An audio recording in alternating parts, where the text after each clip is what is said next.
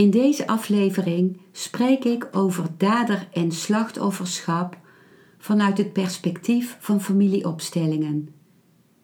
Ik put hierbij ook uit het boek Roots of Love van Swagito Liebermeister.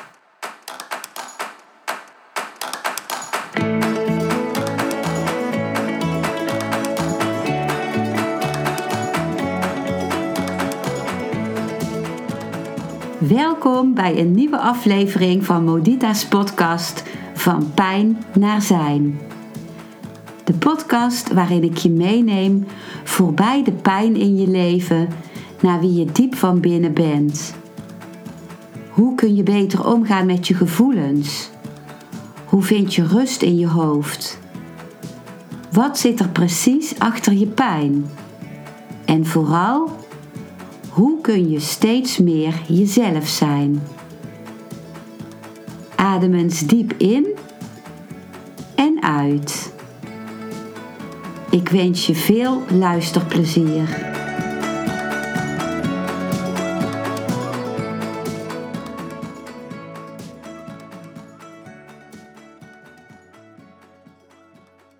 In mijn eigen leven hebben dader en slachtofferschap een grote rol gespeeld.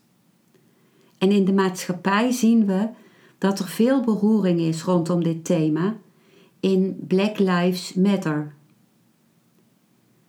Gewelddadige handelingen hebben echter niet alleen een groot effect in de maatschappij, maar vooral ook in de familie waarin ze plaatsvinden.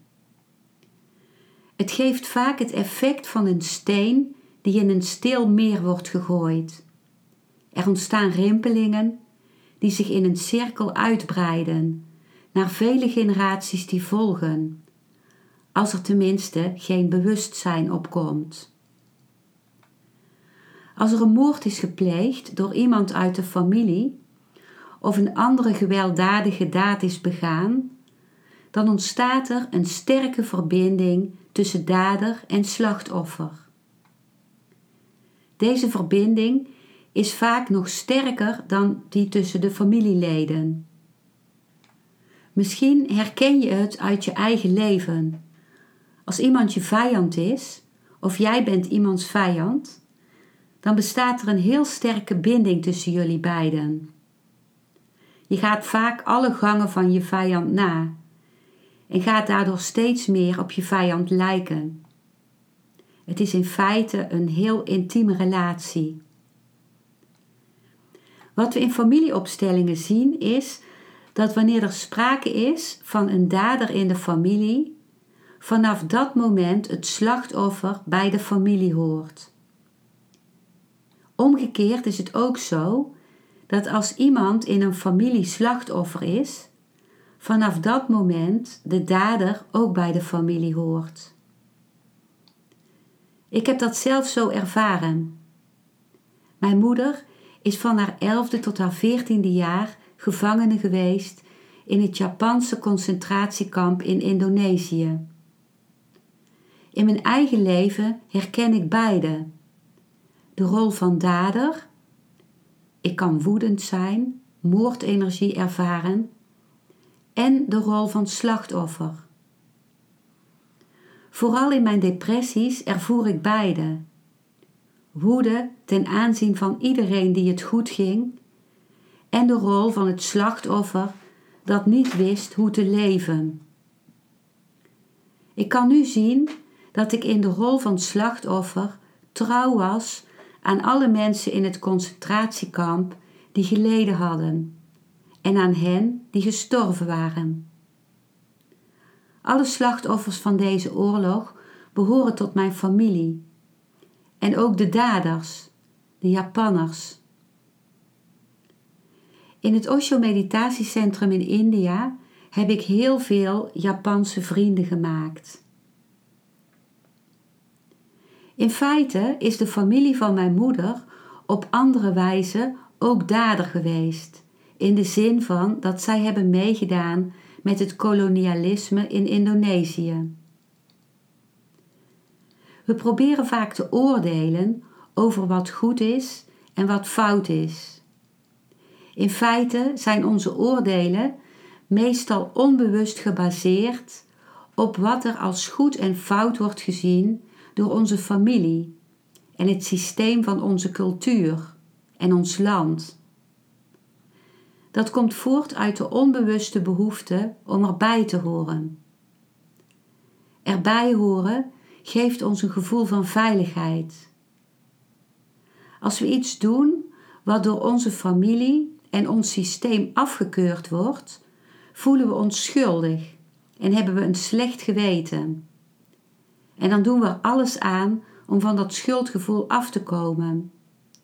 Door weer bij te draaien naar wat er door ons systeem goedgekeurd en geaccepteerd wordt. Dan hebben we weer een goed geweten en komen we tot rust. Het geweten is dus in feite niets anders dan het zekerstellen van het gevoel erbij te horen. Maar op een groter collectief niveau gelden er hele andere wetten. Daar heeft iedereen het recht om erbij te horen. Of het nu een moordenaar is of iemand die veel liefdadigheidswerk heeft gedaan. Ieder mens heeft het recht op bestaan en om erkend en gezien te worden. Dat strookt niet met onze oordelen over goed of fout. Op grond van ons geweten proberen we anderen buiten te sluiten. Bijvoorbeeld iemand van de andere partij in de oorlog, of iemand met een andere religie, of iemand die iets doet wat onze familie nooit goed zou keuren. Wat we zien in familieopstellingen is dat iemand uit een latere generatie degene die buitengesloten is gaat vertegenwoordigen. Door hetzelfde gedrag te vertonen of dezelfde gevoelens te hebben als degene die buitengesloten is. Zo kan het zijn dat iemand crimineel gedrag gaat vertonen zonder dat daar een aanleiding toe lijkt te zijn. In feite is dat dan uit liefde voor het buitengesloten familielid. Dat is vaak moeilijk te verteren voor ons. Omdat als je een slachtoffer bent, bijvoorbeeld van de nazi's, de nazi's tot je familie behoren. Dus dat is wat je in de familieopstellingen ziet. Terwijl misschien je neiging op grond van oordelen van goed en fout is om de nazi's buiten te sluiten. Maar het is belangrijk om je te realiseren dat proefondervindelijk blijkt dat het zo werkt. Dus dat de daders bij jouw familie horen, evenals de slachtoffers. Het is niet aan de nakomelingen om partij te trekken voor de daders of voor, of voor de slachtoffers in hun familie. Dat is vaak niet gemakkelijk. Je moet daarvoor je oordelen van goed en slecht opgeven. En dat betekent vaak in je familie dat je er dan voor moet kiezen om daarin alleen te kunnen staan, te durven staan. Maar zo stop je wel dat de rimpels van de steen die door de gewelddadige handeling in gang zijn gezet, ehm, een einde kunnen krijgen naar latere generaties toe.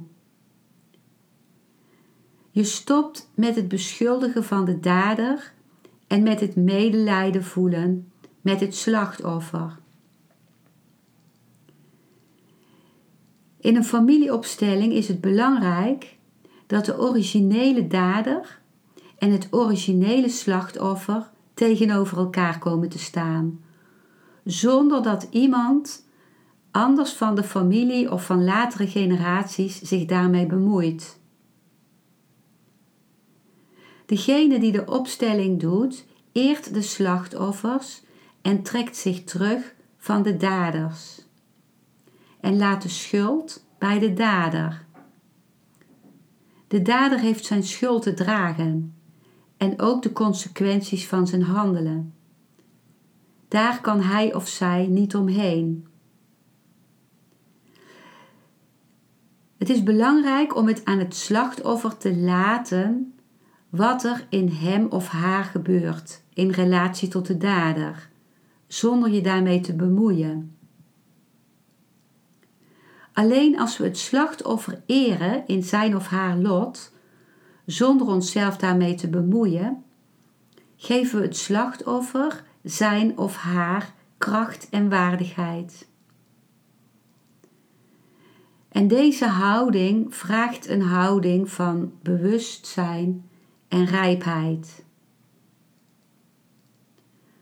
Als er wraak genomen wordt door iemand van een latere generatie ter vergelding, dat gebeurt dan onbewust uit liefde voor een voorouder of voor een familielid, dan begeeft ook deze persoon die wraak neemt zich in de rol van de dader. En ook dat zet zich dan weer voort naar latere generaties. Dat is onbewust vanuit liefde, maar dat is blinde liefde, geen bewuste liefde. In feite is de dader meestal zelf ook slachtoffer. En in het woord moordenaar zit, zitten al heel veel oordelen of veroordelingen verscholen. Je kunt beter zeggen om neutraal te blijven, in plaats van moordenaar, degene die iemand gedood heeft. Dan heb je het over een handeling van die persoon en niet over de hele persoon. De moordneiging komt vaak voort uit iets wat de dader draagt vanuit zijn of haar familiesysteem. Dat betekent niet dat de dader geen verantwoordelijkheid te dragen heeft voor zijn of haar handeling en de consequenties daarvan. En ook het slachtoffer is niet alleen maar iemand die, die alleen maar hopeloos is, maar is een volwaardig mens die veel meer is dan zijn of haar lot. Wat we bij incest vaak zien is dat de man die verkracht is, zelf ook het slachtoffer is geweest van seksueel misbruik. Bijvoorbeeld door zijn moeder. En dat kan op heel veel manieren. Het kan zijn doordat de moeder dat de moeder dat uh, doorgegeven heeft aan haar zoon, omdat zij zelf wonden draagt op seksueel gebied. En vanuit die wonden of van wat zij weer draagt, heeft ze dan bijvoorbeeld als ze haar zoontje in bad deed, als die klein was, op een seksuele manier aangeraakt. En dat op zich hoeft nog niet zoveel lading te hebben, maar ze voelt zich daar dan schuldig over. En dat voelt het kind. Dus in die zin krijgt het dan een hele lading. En dat kan een diepe impact hebben op het zoontje en voor veel verwarring zorgen die hij niet kan plaatsen. En dat kan een van de oorzaken zijn van dat deze zoon bijvoorbeeld zijn dochter later seksueel misbruikt. Maar het kan ook, het misbruik kan ook op hele andere manieren tot stand komen. En in een familieopstelling wordt dat vaak zichtbaar. Het kennen van die achtergronden pleit een vader niet vrij van zijn verantwoordelijkheid in zaken de incest en van het dragen van de consequenties van zijn gedrag. Ik heb zelf in een opstelling die geleid werd door mijn familieopstellingen trainer Swagito Liebermeister die het prachtige boek Roots of Love over familieopstellingen heeft geschreven, ervaren dat ik mij ten onrechte bemoeide met het lot van mijn moeder. In de opstelling zag ik hoe mijn moeder zich naar de Japanse bezetter toebewoog. En ik wilde ertussen springen. Swagito trok mij terug en plaatste mij ver van dader en slachtoffer af. Hij zei: Wat heb jij daar nu mee te maken? Je was er toen niet eens. Op een grote afstand ging ik toen zitten. Dat was heel vreemd voor mij om toen ver weg van mijn moeder en de Japanner te gaan zitten op de grond. Ik was nu kleiner dan zij. Ik was alleen haar kind. En toen pas zag ik mijn moeder echt.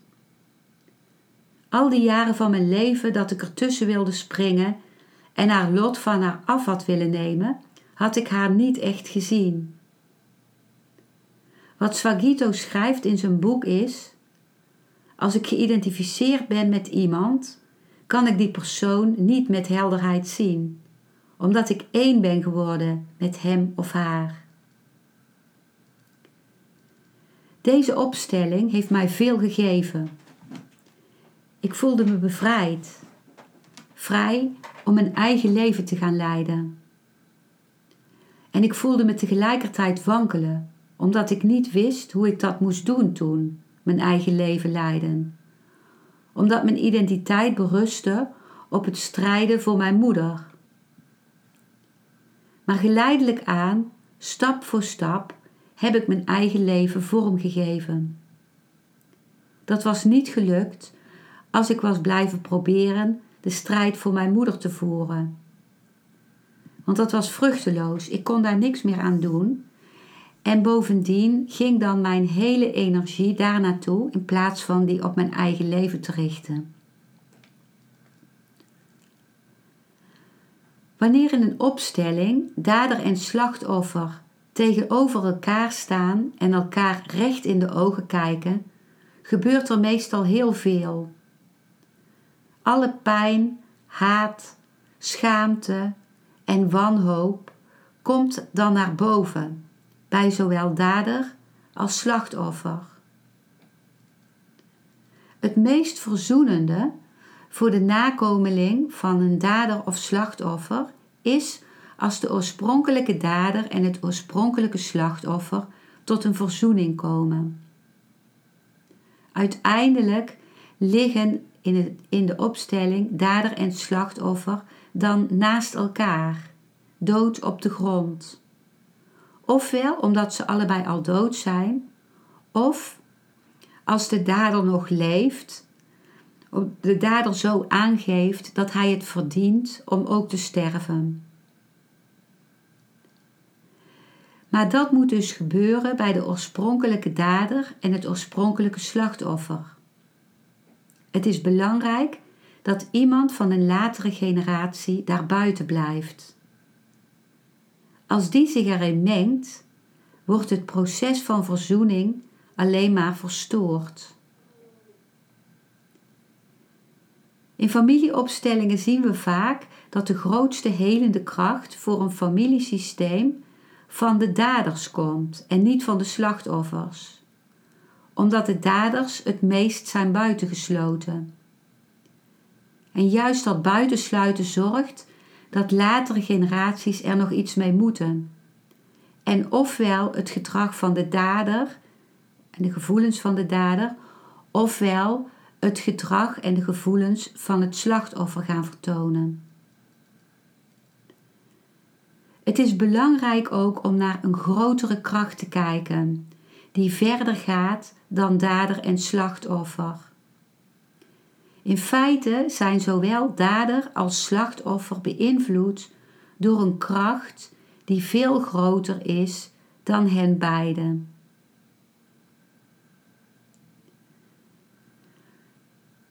Het dader- en slachtoffer thema speelt in elke familie. Als je verder terug gaat kijken, dan is er in elke familie wel een moord geweest of een hele uh, agressieve daad. En zijn er daders geweest en slachtoffers. En uh, dus dit thema raakt iedereen. En in een opstelling hoef je niet altijd te weten wie de dader en wie het slachtoffer is. Dat kunnen zelfs meerdere personen tegelijkertijd zijn. En het, het kan je leven beïnvloeden doordat je bijvoorbeeld uh, enorm woedend op iemand kan worden. Of dat je voelt dat je geen eh, geen daadkracht hebt of dat je je, je je centrum van je leven niet in kan nemen. Dus er kunnen heel veel uh, dingen zijn in je leven waarbij je leven stagneert, waarbij, waarbij op het eerste gezicht niet eens duidelijk is dat er een dader-slachtoffer thema speelt, maar waarbij dat wel in de opstelling duidelijk wordt. Mocht je dit thema in een familieopstelling willen onderzoeken voor jouzelf, dan ben je welkom om contact met mij op te nemen. Op mijn website, die ik in de beschrijving onder deze aflevering noem, vind je mijn informatie over familieopstellingen. En zowel een live opstelling bij mij thuis in Eindhoven als een online opstelling zijn mogelijk en werken ze werken allebei even krachtig. Dankjewel voor het luisteren naar deze aflevering. Ik hoop dat hij je een nieuw inzicht of perspectief heeft gegeven. Ik hou van interactie, dus als je iets wilt delen, stuur me dan een mailtje op info@genietenvanmeditatie.nl. Ik geef je dan altijd antwoord. Ik wens jou dat je vreugde in het dagelijks leven zult ervaren en innerlijke rust. En dat je steeds meer je pijn zult kunnen omvormen in zijn. Je kunt de afleveringen van deze podcast volgen via Spotify, Google Podcast, Apple Podcast en Podbean door op de volg- of abonneerknop te klikken. Als je luistert via de Apple Podcast, dat kan alleen als je een iPhone hebt, heb je een extra voordeel. Omdat als je op de knop abonneren klikt, je steeds een berichtje op je mobiele telefoon ontvangt als er weer een volgende aflevering van mijn podcast verschijnt. Je bent van harte welkom bij die volgende aflevering.